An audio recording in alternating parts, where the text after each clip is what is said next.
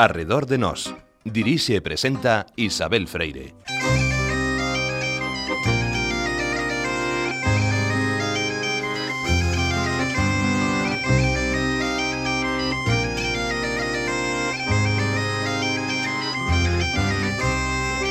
Hoxe, Cruz Gallastegui e a Misión Biolóxica de Galicia.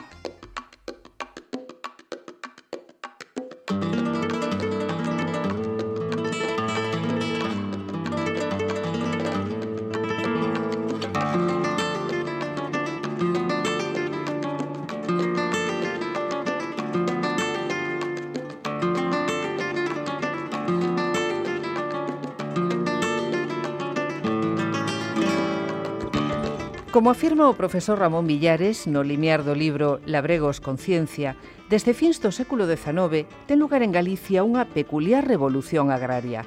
Aparecen as feiras de gando, as festas da árbore, os técnicos e peritos que conferenciaban sobre enfermidades e pragas, e tamén agras que se cerraban, gando que se estabulaba e engordaba, montes que se partían e casas que se caleaban e que xa nada tiñan que ver coas bellas chouzas terreas.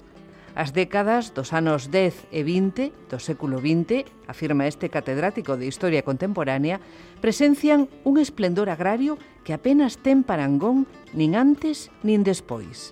Un dos axentes desta revolución é a Misión Biolóxica de Galicia e o seu fundador, Cruz Gallastegui Unamuno, o introductor dos híbridos dobles de millo en Europa, o que hoxe adicamos este programa. Un contexto no que a agricultura galega é a máis productiva e a que máis cambia de todas as agriculturas españolas sin ninguna dúbida. É dicir, a idea do atraso que é unha idea dos anos 60 é certa, pero eh, nos anos 20, nos anos 10 e nos anos 30 a agricultura galega Eh, digamos, en términos comparativos, en términos convencionais, era máis productiva e aquí, e aquí incorporou máis innovacións.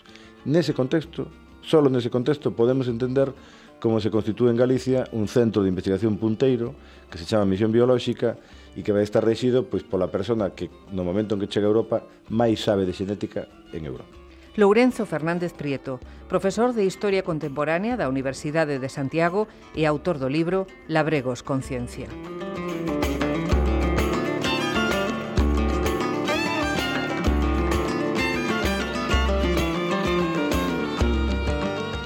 A pesar das circunstancias favorables a que alude o profesor Fernández Prieto, non podemos obviar que no cambio de século a palabra que mellor define a situación no agro en Europa é crise.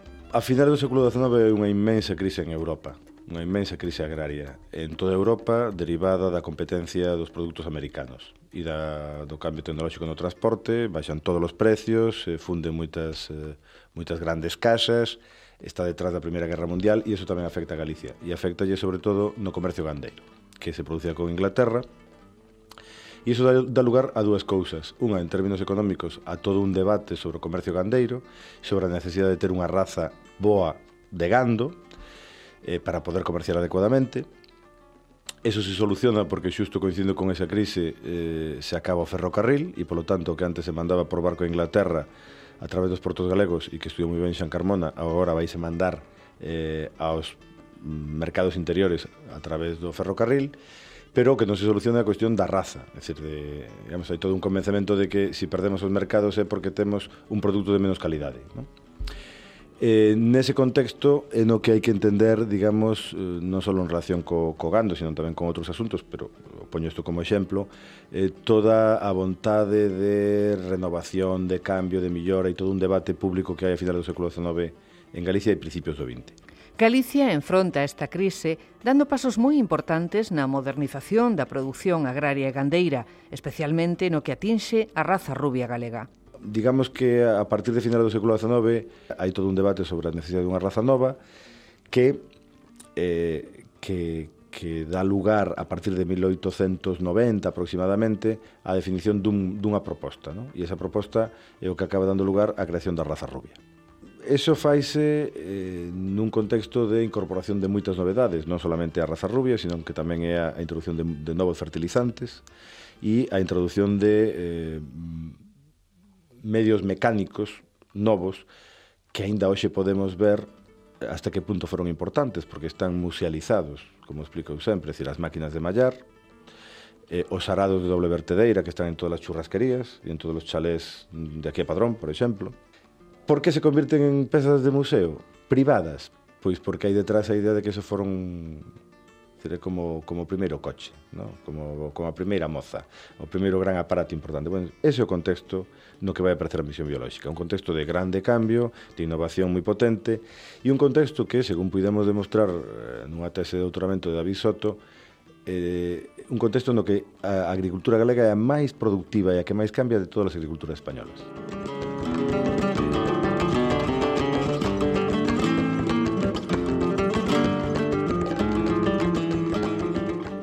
por eso vai a ser aquí donde, aparece, donde se den por primeira vez en Europa os millos híbridos. ¿no? Estamos falando dunha persoa como Cruz Gallastegui que ven directamente e que están nas fotos da obtención do primeiro, dos primeiros millos dobles híbridos na, na Connecticut Experimental Station. Mm. Eh, claro, non é unha anécdota. É dicir, moitas veces entendemos a Gallastegui como unha anécdota. É dicir, pois houve un señor moi importante que chegou dos Estados Unidos e que era vasco, que estuvo aquí en Santiago e logo en Pontevedra, e que mira ti todo o que fixo. Non, eh, non é unha anécdota. Detrás está todo isto. E detrás está eh, tres cousas que pasan nos anos 20 que teñen enormes raíces. Unha, a Lei de Redención Foral do ano 26, que convirte en propietarios a todos os labregos que pagan o foro e que soluciona un conflicto que vende desde o século XIX e que desde finales do século XIX foi un conflicto moi duro, incluso violento, e no que, bueno, pois nese conflicto entre eh, os que pagan a renda e os que a cobran ganaron os que pagan. E ganaron, digamos, os pequenos e as pequenas explotacións como modelo. Se ganamos, ganou o que hoxe identifica a Galicia. No? E perderon os donos dos pazos e os, que, os cobradores das rendas. E, e, e o significativo é que nese contexto se aplica un, unha, un, un gran proceso de innovación tecnolóxica e se consigue, digamos, que tamén os grandes, e aquí está o asunto, se preocupen pola agricultura. E aí é onde aparece Gallaste, é decir, a Gallaste que o trae aquí directamente unha persoa que, que é dona dunha casa grande, que é eh, Xan de Forcados, que xa el entrou en contacto co, coa xenética e precisamente o que quere é aproveitar esa nova ciencia da xenética a través de alguén eh, que coñece e que sabe que coñece ben que é Cruz Gallastegui, que é amigo del con quen coincidiu en Alemania, para que eso revirta na agricultura galega.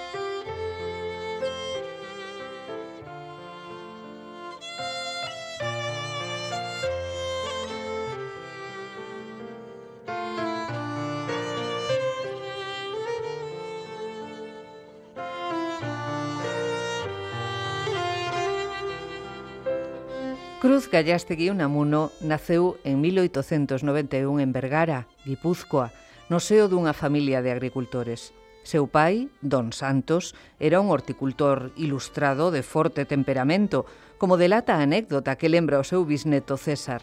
Cando Xove Cruz, con 14 anos, suspendeu unha asignatura, seu pai mandouno a pasar o verán totalmente só no caserío de Vergara. Por equipaxe, únicamente os libros de texto, unha muda de roupa e un pequeno saco de alubias como sustento.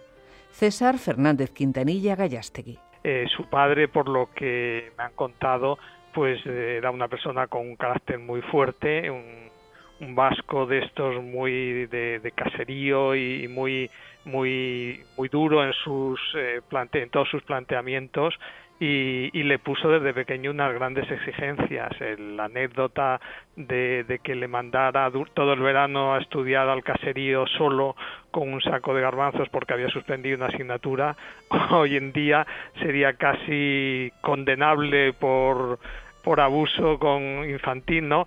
Y, y pero indica que, que sí, que se le exigió mucho mm, desde pequeño y bueno, luego de mayor también, porque eh, mandarle a estudiar a Alemania también sin, sin saber alemán y sin, sin recursos económicos, eh, le, le puso moi difícil esa etapa. Rematado o bacharelato, seu pai mandao a traballar como peón agrícola a un viveiro de frutais a Limox, onde permanecerá dous anos, nos que adquiriu unha sólida formación como agricultor e ademais aprendeu francés, unha lingua daquela moi importante para os contactos comerciais e técnicos, como pon de manifesto Amando Ordas, profesor de investigación na Misión Biolóxica de Galicia. Su padre, Don Santos, que era unha persona moi peculiar, eh, lo envió a Limoges eh, posiblemente a algunas explotaciones de algún amigo suyo. El caso es que lo mandó allí a, trabajar de peón. Eh, bueno, la idea no era mala, aprendió la agricultura desde los orígenes, estuvo allí en Limos eh, bastante tiempo trabajando pues, de, peón agrícola, ¿no? con lo cual sirvió para conocer la agricultura por abajo y además aprender francés. Eh, el francés es obviamente un idioma importante y en aquella época más.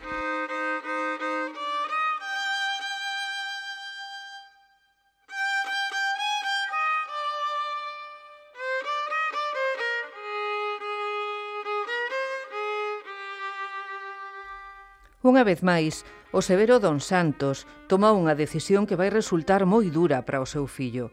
Mándao a estudiar Enxeñería Superior Agrícola a Alemania, a Hohenheim, sen coñecer o idioma e con escasos recursos económicos para manterse ali.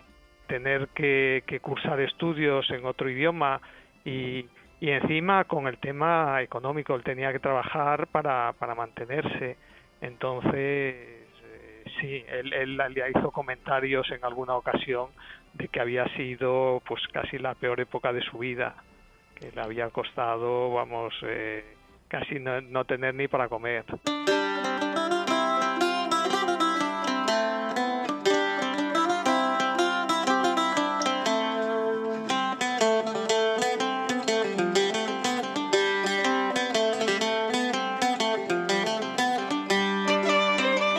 A etapa alemana depáralle unha amizade que vai ser determinante na súa vida, a de Julio López Suárez, e moi especialmente a do seu irmán Juan, médico de profesión, coñecido na súa terra natal do Sabiñao como Xan de Forcados. Se va a la Maquebrada invitado por Julio, e aí es cuando conoce a Juan, eh, intima mucho con Juan. Eh, Juan se marcha a Estados Unidos, pensionado por la Fundación Rockefeller, y desde allí llama a Gallastegui. Mm, parece ser que mm, Don Cruz en aquellos momentos se estaba haciendo cargo de las explotaciones de, de Juan López Suárez. He encontrado un escrito en el cual Juan López Suárez comenta que Gallastegui se me está llevando mis explotaciones de, de allí de la Maquebrada. Agallastegui os trae aquí directamente unha persoa que, que é dona dunha casa grande, que eh, xan de forcados, que xa el entrou en contacto co, coa xenética e precisamente o que quere é aproveitar esa nova ciencia da xenética a través de alguén eh, que coñece e que sabe que coñece ben que é Cruz Gallaste, que é amigo del con quen coincidiu en Alemania, para que eso revirta na agricultura galega. Porque digamos, exerce un papel de intelectual neste sentido, moi destacado, ¿no? Exerce, digamos, o papel que hoxe faría un director xeral de I+D, para entendernos. Exactamente o mesmo papel. No? E se un ve os seus papeles, os seus documentos, as súas cartas, ve que el facía eso. É dicir, por qué? Bueno, pois pues porque eh, se está creando un sistema de innovación que tamén ten as súas raíces na creación da Institución Libre de Enseñanza e na Xunta Ampliación de Estudios, é dicir, as cousas non ocurren por casualidade, senón que as cousas ocurren porque detrás hai moito fermento, moito traballo e un contexto pois adecuado. ¿no? Don Cruz tenía a idea, parece ser, de que quería estudiar química agrícola, agronomía en general, pero López Suárez, con mucha clarividencia, dice que de eso nada, que hay que dedicarse a la genética, que es una ciencia que está empezando y que va a ser la, revolución en el mundo de la biología, de la agricultura, de la medicina, de todo.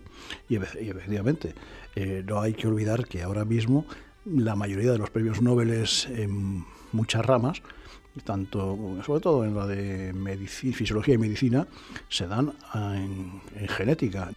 Juan López Suárez era doutor en Medicina e tiña unha estreita relación coa Junta para a Ampliación de Estudios e Investigación Científica a través do seu cuñado José Castillejo, daquela secretario da Junta. Pola súa intercesión, Gallastegui pode trasladarse a Estados Unidos, pensionado pola Junta, para estudiar na Universidade de Harvard con Edward East e William Castle. Claro, en España no había ciencia, ¿cómo la elevamos? Formando científicos y para eso mmm, pensionó a mucha gente. López Suárez también estuvo pensionado, creo, por la Junta de Permisión de Estudios. Eh, y hubo un gran eh, impulso a, a, la formación de personal al más alto nivel, con la idea de que esa gente volviera y elevara la ciencia. Pero vamos, en España casos como el de Ramón y Cajal pues son excepcionales. La ciencia estaba pues muy mal, obviamente. Y la biología pues bastante...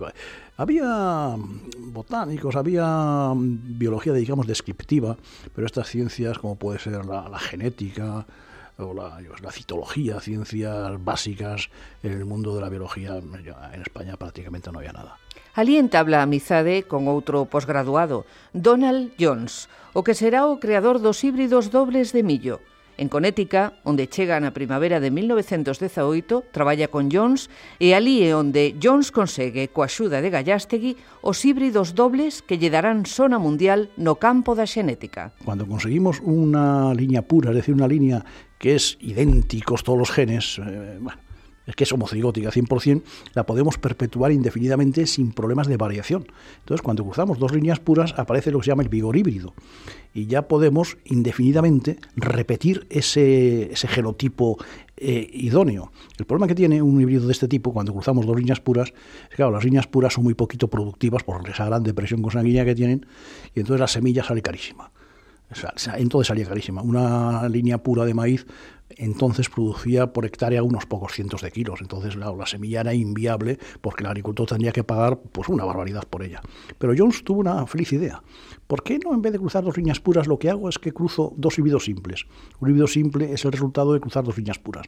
Digo, cruzo un híbrido simple por otro híbrido simple y lo que obtenga lo puedo repetir indefinidamente si es bueno y ya he resuelto el problema del coste de la semilla.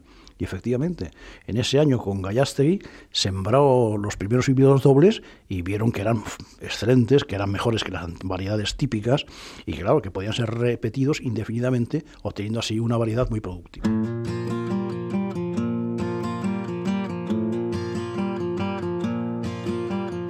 Ten years ago, on a cold dark night, there was some Tras un breve período nas universidades de Yale e de Cornell, Gallastegui marcha a México para saudar a un tío paterno que tiña unha explotación agrícola. A visita prolóngase un ano e será en 1921 cando embarca para Coruña. O periplo americano e con el a súa etapa formativa remataran. Tiña 29 anos, uns amplos coñecementos de xenética e dominaba o inglés, o francés e o alemán, os grandes idiomas científicos. Estaba xa listo para principiar a súa andaina como investigador independente. Tras desembarcar na Coruña, colle un tren camiño da súa vergara natal, pero non chegou.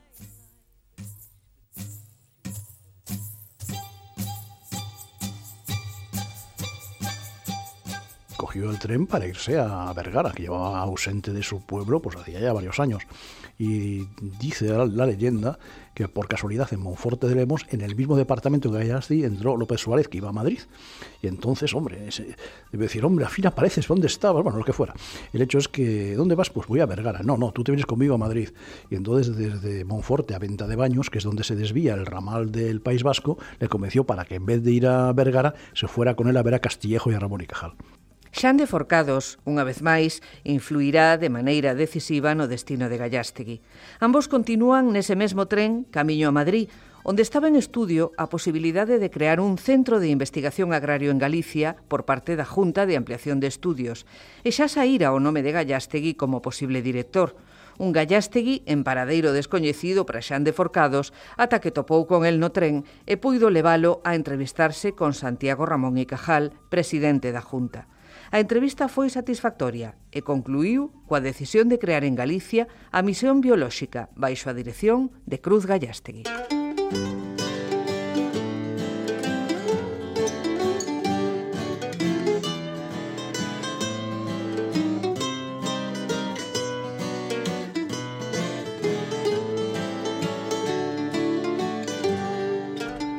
A Real Sociedade Económica de Amigos del País de Santiago solicitara a creación da misión en Santiago co obxeto de que investigar os problemas biolóxicos, agrícolas e industriais de Galicia.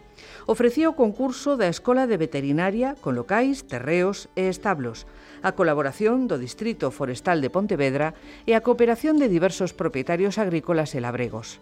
Con estes presupostos chega Don Cruz a Santiago e instálase nos locais da Escola Veterinaria.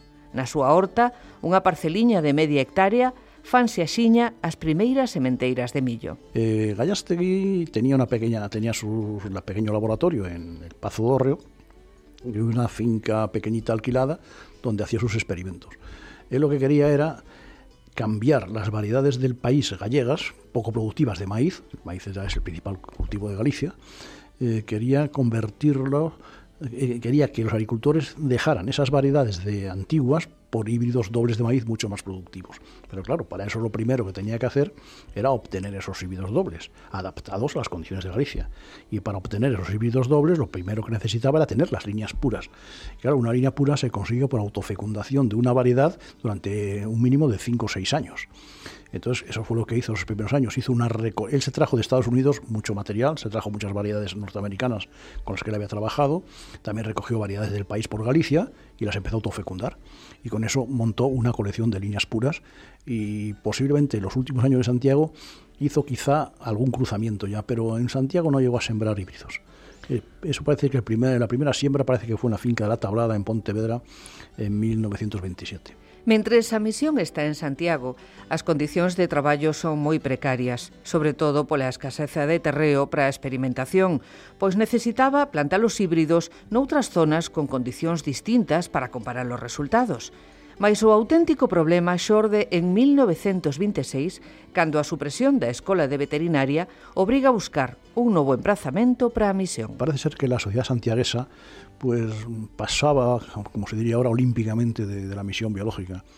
Yo recuerdo que Antonio Driozola, el que fuera bibliotecario de la misión biológica muchos años, una vez me enseñó unos recortes de periódico de esa época, en la cual pues un santiagués, un prócer, no me acuerdo quién era, decía, ¿cómo es posible que la sociedad santiaguesa no se dé cuenta del potencial que tenemos y deje escapar este centro de aquí? Pero no pasó nada y el centro se fue.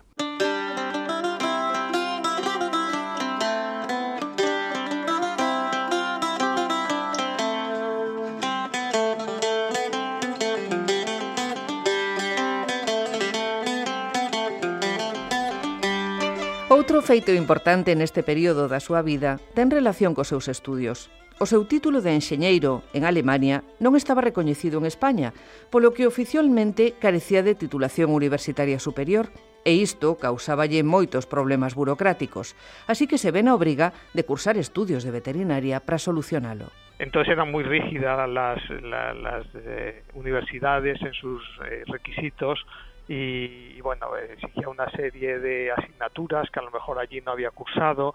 En aquella época Hohenheim era una escuela eh, de ingeniería, pero creo que era como a nivel técnico y, entonces seguramente como que no tenía homologados sus estudios con la Escuela de Ingenieros Agrónomos de Madrid, que era la única que existía en España y, y que tenía un carácter mm, bastante elitista, ¿no?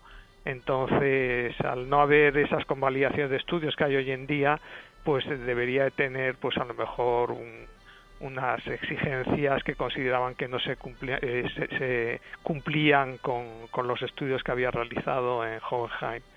Y, bueno, eso, eso lo explica. En cambio, la escuela de veterinaria pues debía de, de ser más flexible y supongo que también en la escuela veterinaria fueron conscientes de, la valía de, la persona y, quisieron reclutar y hacer un, buen fichaje reclutando una persona muy valiosa eh, para la carrera veterinaria.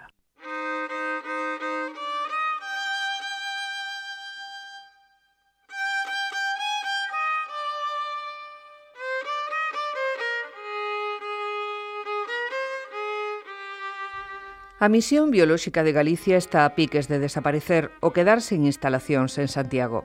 Felizmente, un home influinte daquela, o presidente da Deputación de Pontevedra, Daniel de la Sota Valdecilla, ve a posibilidade de levar a misión para Pontevedra. O 24 de xaneiro de 1927, de la Sota escribe á Junta de Ampliación de Estudios ofrecéndose oficialmente para acoller a misión. A Junta acepta e o 18 de febreiro chega un vagón de ferrocarril a Pontevedra trasladando todo o material desde Santiago. Creo que fue en el 27, sí, cuando él se trasladó a Pontevedra. Y en el 27 eh, la Diputación parece ser que estaba en tratos con la familia Becerra Malvar para comprar el pazo de la Carballera de Gandarón en las afueras de Pontevedra. Pero todavía en ese momento no tenía cerrada la operación. Y a Gallastegui el primer año le dieron unos locales en el Palacio Provincial, en la Diputación, y le alquilaron una finca en, al lado de la estación, en Campolongo, la finca de la Tablada. Y ahí sembró el primer año, en el 27, su, su material.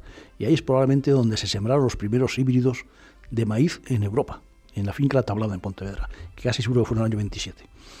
Luego ya al, año siguiente se cerró la compra de esa propiedad y a Gallastegui se pasó para allí y se instaló en esa hermosa finca, es una finca de 12 hectáreas, de las cuales son 10 de cultivo, dos están dedicadas a edificaciones, y bueno, aunque era hay un pazo del final del siglo XVIII, del arzobispo Malvar, que se, bueno, se le, dio para él para que fuera bueno, pues su vivienda y sus laboratorios. Eh, hubo que acondicionarlo, pues claro, una vivienda no es un laboratorio, pero bueno, con unos pequeños acondicionamientos se encontró con unas instalaciones con las cuales en Santiago no había podido ni soñar.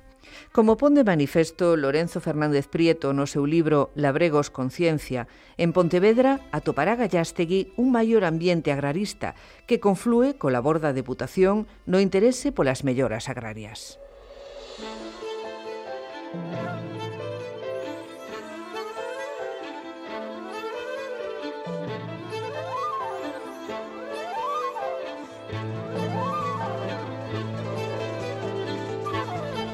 Durante a súa etapa pontevedresa, Don Cruz centrouse principalmente na mellora xenética do millo. Non sabemos cando tivo lugar a primeira sementeira de híbridos da misión biolóxica. Os primeiros datos proceden da campaña de 1929. Hai, sen embargo, testemunhas que a sitúan un ano antes, en 1928, e, en consecuencia, este parece ser o ano no que se cultivaron os primeiros híbridos de millo en Galicia, e, por conseguinte, en España e en Europa, porque daquela soamente Gallastegui estaba realizando este tipo de investigacións no continente.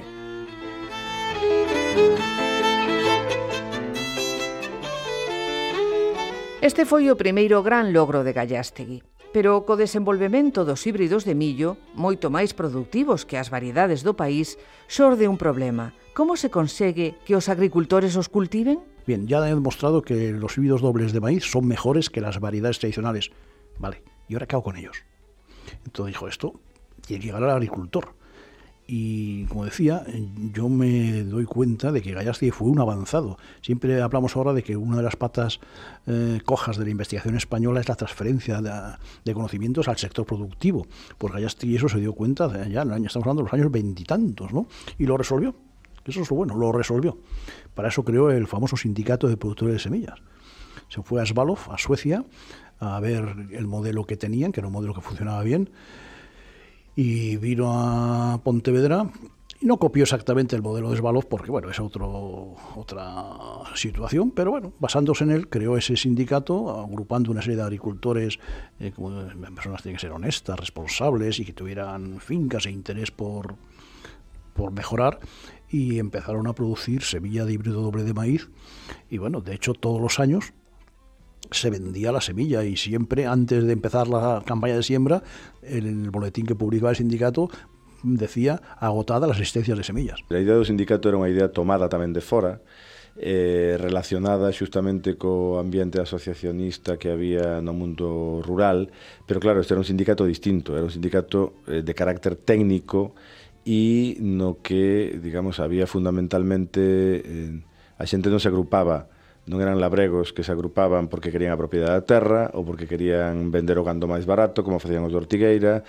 ou porque querían comprar fertilizantes máis baratos, perdón, vender o gando máis caro e comprar fertilizantes máis baratos e arados máis baratos, que era o que facían moitos, eh, e outras cooperativas, senón movido, digamos, por unha lóxica eh, exclusivamente tecnolóxica ¿no? e moi específica, que era a difusión dos millos híbridos.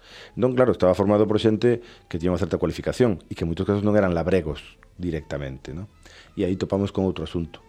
E aínda que funcionou relativamente ben, digamos que xenerou moitos problemas e ali xenerou, digamos, un traballo engadido. La labor fundamental era la difusión de la semilla de híbrido de maíz pero luego también empezó a difundir reproductores electos de cerdo, también servía de almacén para los socios de abonos, de productos fitosanitarios, de, de semillas de otras variedades.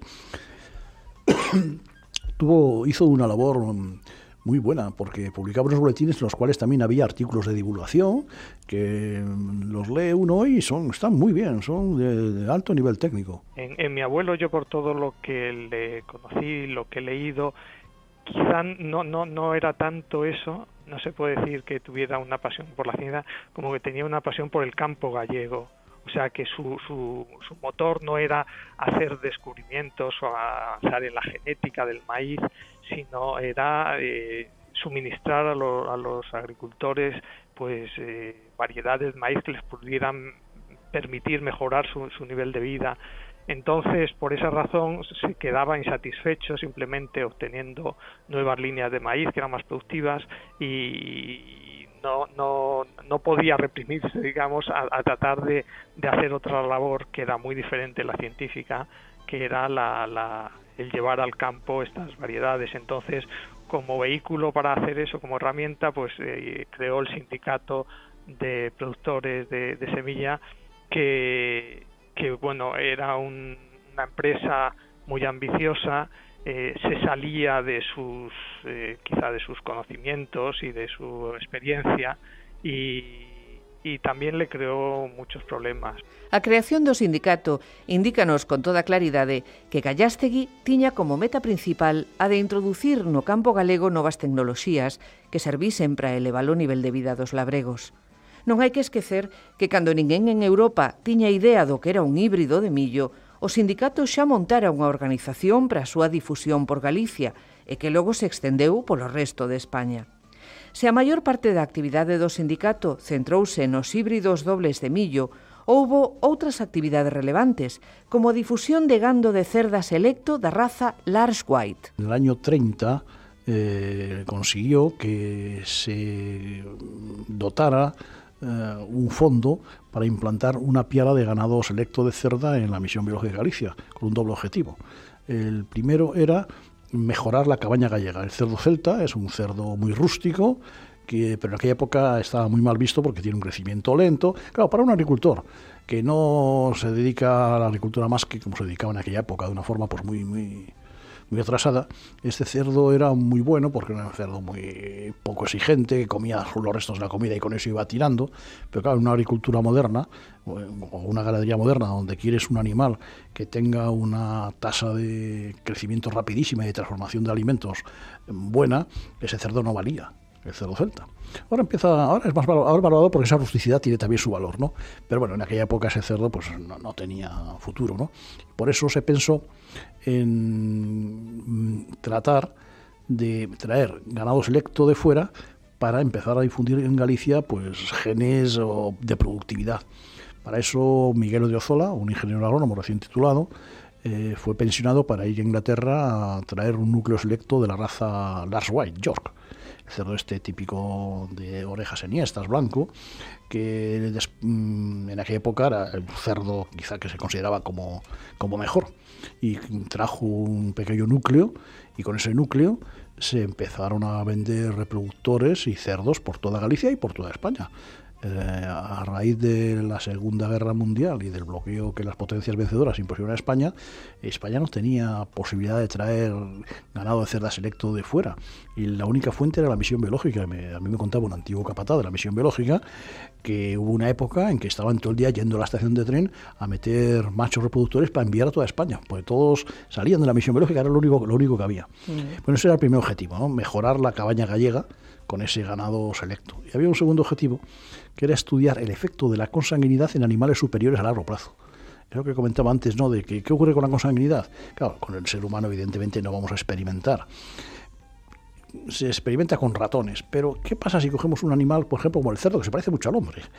Entonces, eh, esa piara eh, que era muy pequeñita, vamos, no me acuerdo, pero eran como ocho cerdos nada más, o diez de los que vinieron en total, se cruzaron entre sí indefinidamente y entonces con la selección se comprobaba que se podía atenuar el efecto negativo de la consanguinidad. Ahora eso sí, en cuanto se dejaba de hacer selección, inmediatamente se, los descendientes salían todos con las patas mal, y, pero se llegó a tener una eh, consanguinidad de cerca del 40% en animales superiores, lo cual es excepcional.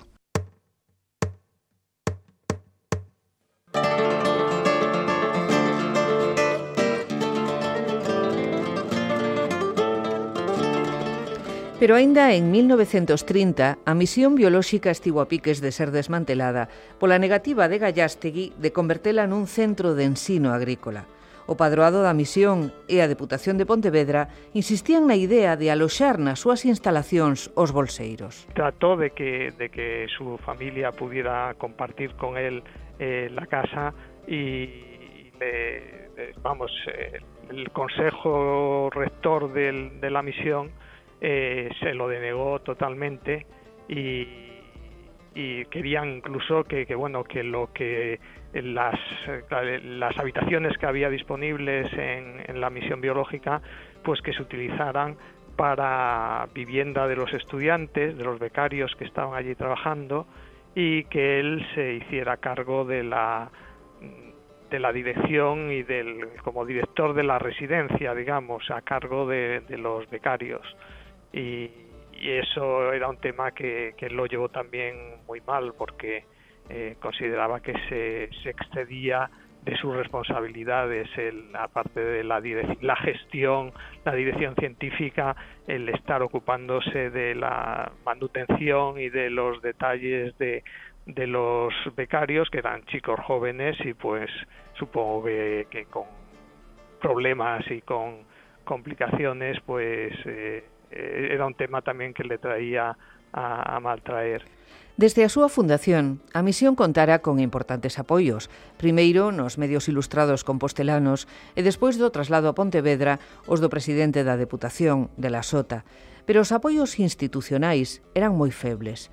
Sen embargo, a partir de 1930, vaiselle conceder maior importancia en numerosos medios de comunicación do sur de Galicia. Así, cando as disputas coa Deputación, as que acabamos de facer referencia, o xornal vigués El Pueblo Gallego pronúnciase con paixón a favor da orientación da misión que lle dera Gallastegui, argumentando que é un centro único do seu xénero en España e que só o posúen os povos de alto nivel cultural.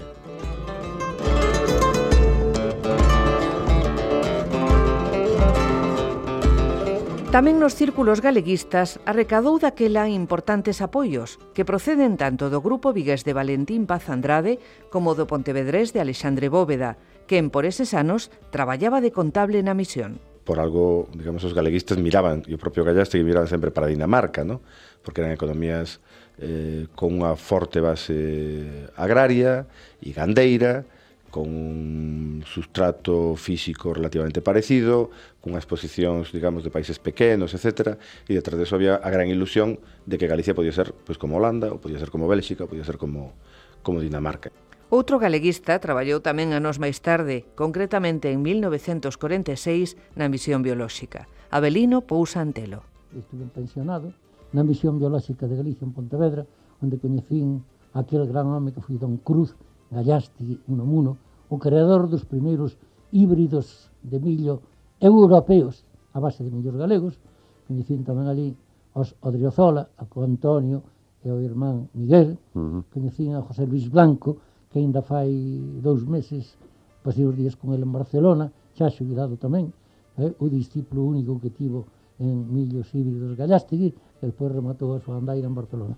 Converte a misión nun símbolo da loita política pola autonomía de Galicia xa tras a proclamación da República vai beneficiar os proxectos do centro e ampliar as súas posibilidades. Él, a pesar de ser vasco, siempre se sintió muy gallego y, y, sí que tenía pues simpatías por todo lo que fuera gallego pues, y seguramente tendría muchos amigos en, en, el partido este galleguista pero según yo lo he hablado con, con mi madre y no nunca tuvieron ninguna constancia de que perteneciera a ningún partido ni, ni nada por el estilo, pero pero sí se tenía esas eh, esas simpatías y, y, era una persona muy reconocida, entonces pues eh, en los años 30 eh, le dieron un cargo en el Ministerio de Agricultura, un cargo relativamente importante y, se tuvo que desplazar a Madrid y estuvo pues unos cuantos años durante la época de la República eh, trabajando en, en, Madrid, en el Ministerio. Y, quizá pues esos dos hechos que hubiera estado eh, trabajando un cargo de, asignación política en, en, el Ministerio de Madrid y sus simpatías por por muchos movimientos galleguistas, pues le hicieron que, que, bueno, después de la guerra pues estuviera eh, non moi ben considerado, digamos. A marcha de Gallastegui a Madrid interpretouse como unha falla de apoio institucional á misión e, como constata Lourenzo Fernández no seu traballo Labregos Conciencia, tivo un eco inusitado no xornal El Pueblo Gallego. Nos dous primeiros meses sucedéronse as adhesións de sociedades agrarias, o Colexio de Veterinarios, seccións territoriais do Partido Galeguista, etc.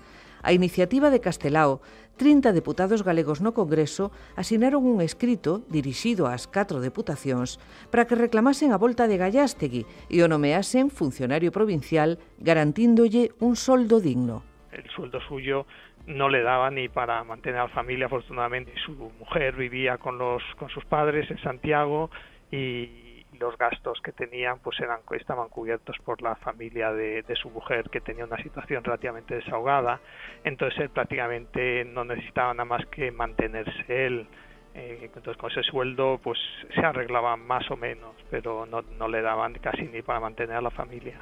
Tras la Guerra Civil, Gallastegui sentiuse ameazado polas súas simpatías polo galeguismo e tivo que recluirse prácticamente na misión parece ser que por los testimonios de mi madre que vivió una época pues eso que se sentía amenazado y de hecho vivía casi recluido en, en la misión porque ya vivía en la misión su familia vivía en Santiago y, y, prácticamente se, se pasaba la semana entera casi sin, sin pisar Pontevedra por si acaso tenía algún problema y los fines de semana iba a ver a, la familia Santiago pero, pero siempre con, con ese sentimiento de, de, persecución.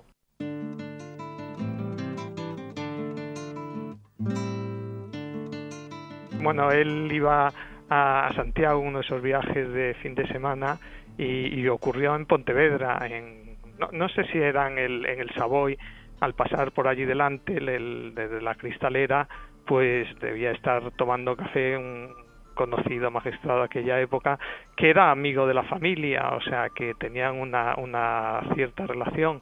Y, y cuando le vio pasar, pues eso, se sorprendió de que no estuviera todavía en la cárcel, hizo un comentario en, en alto eh, en el sentido de, de, que cómo es que no le han metido en la cárcel, no o sea, diciendo debería estar en la cárcel y fue un comentario que oyeron claro todos los contertulios y, luego le, le, transmitieron a él. Lo que lo que le servía un poco era eh, motivo de su preocupación de, de, que bueno no la habían metido en la cárcel todavía pero pero podría ser que le, metieran. Y luego en otra ocasión también a su mujer le, en una de esas veces que ella iba hacia Pontevedra a visitarle pues la, al bajarse del tren eh, la, la, detuvo la policía, se la llevaron a comisaría y la tuvieron internada pues todo un día, al final eh, se resolvió todo y, y no, no pasó nada, pero bueno, eran pequeños sustos que les tenían preocupados. Yo creo, por lo que cuentan mis familiares, que quizá, porque era un poco, eh, no era muy normal que una persona con esas connotaciones eh, políticas eh, fuera respetada y, lo achacan quizá a que tenían eh, tenía una gran amistad con don Daniel de la Sota que era un personaje muy importante entonces en Pontevedra muy respetado y, que se tenía una gran admiración por mi abuelo era una admiración mutua y, entonces seguramente don Daniel de la Sota le, protegió en, esa, esos este, periodos.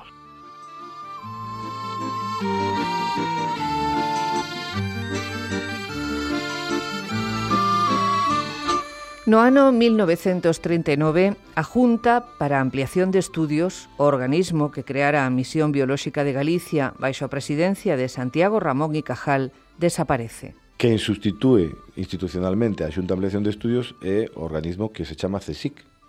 E o obxectivo do CSIC, creado no ano 39, é facer ciencia católica ao servicio de Deus nos podemos dar idea da, digamos, do contraste que hai entre unha cousa e a outra.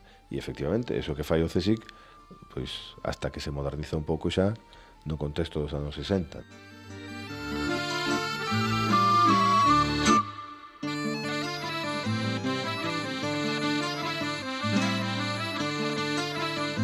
Estamos falando dunha dunha xente moi formada, con moitas capacidades, con que está na punta de lanza do, da, da ciencia nos anos 20 e que nos anos 40 está rodeada de miseria.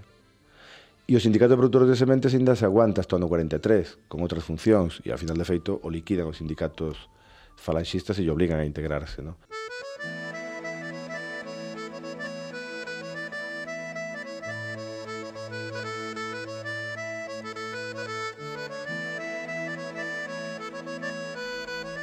Coa chegada da década dos 50, Gallastegui acepta un posto de traballo na empresa de sementes Prodes en Valladolid.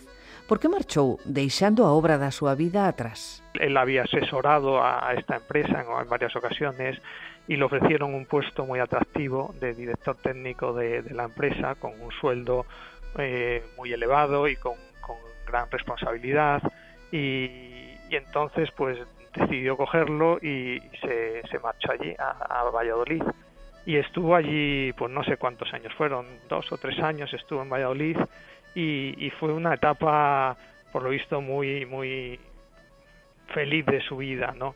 Porque todos los eh, sinsabores que le producía pues su, su, bajo sueldo, el poco reconocimiento profesional que tenía en Galicia, pues allí fue todo lo contrario, allí eh, se les reconoció su trabajo, tenía un sueldo excelente y, y un trabajo tranquilo, vivían allí mismo también en, en, la finca que tiene Sardón de Duero y fue una de las épocas más felices de su vida. Desafortunadamente esta empresa, eh, aunque tenía grandes posibilidades, pues eh, aparentemente tenía una gestión eh, muy deficiente y, y entró en pérdidas y entonces tuvieron que empezar a hacer recortes y uno de los recortes pues fue suprimir el puesto de director técnico con lo cual se, se tuvo que, que, volver otra vez para, para Galicia para trabajar en la misión. O sea fue un periodo corto pero pero personalmente muy muy satisfactorio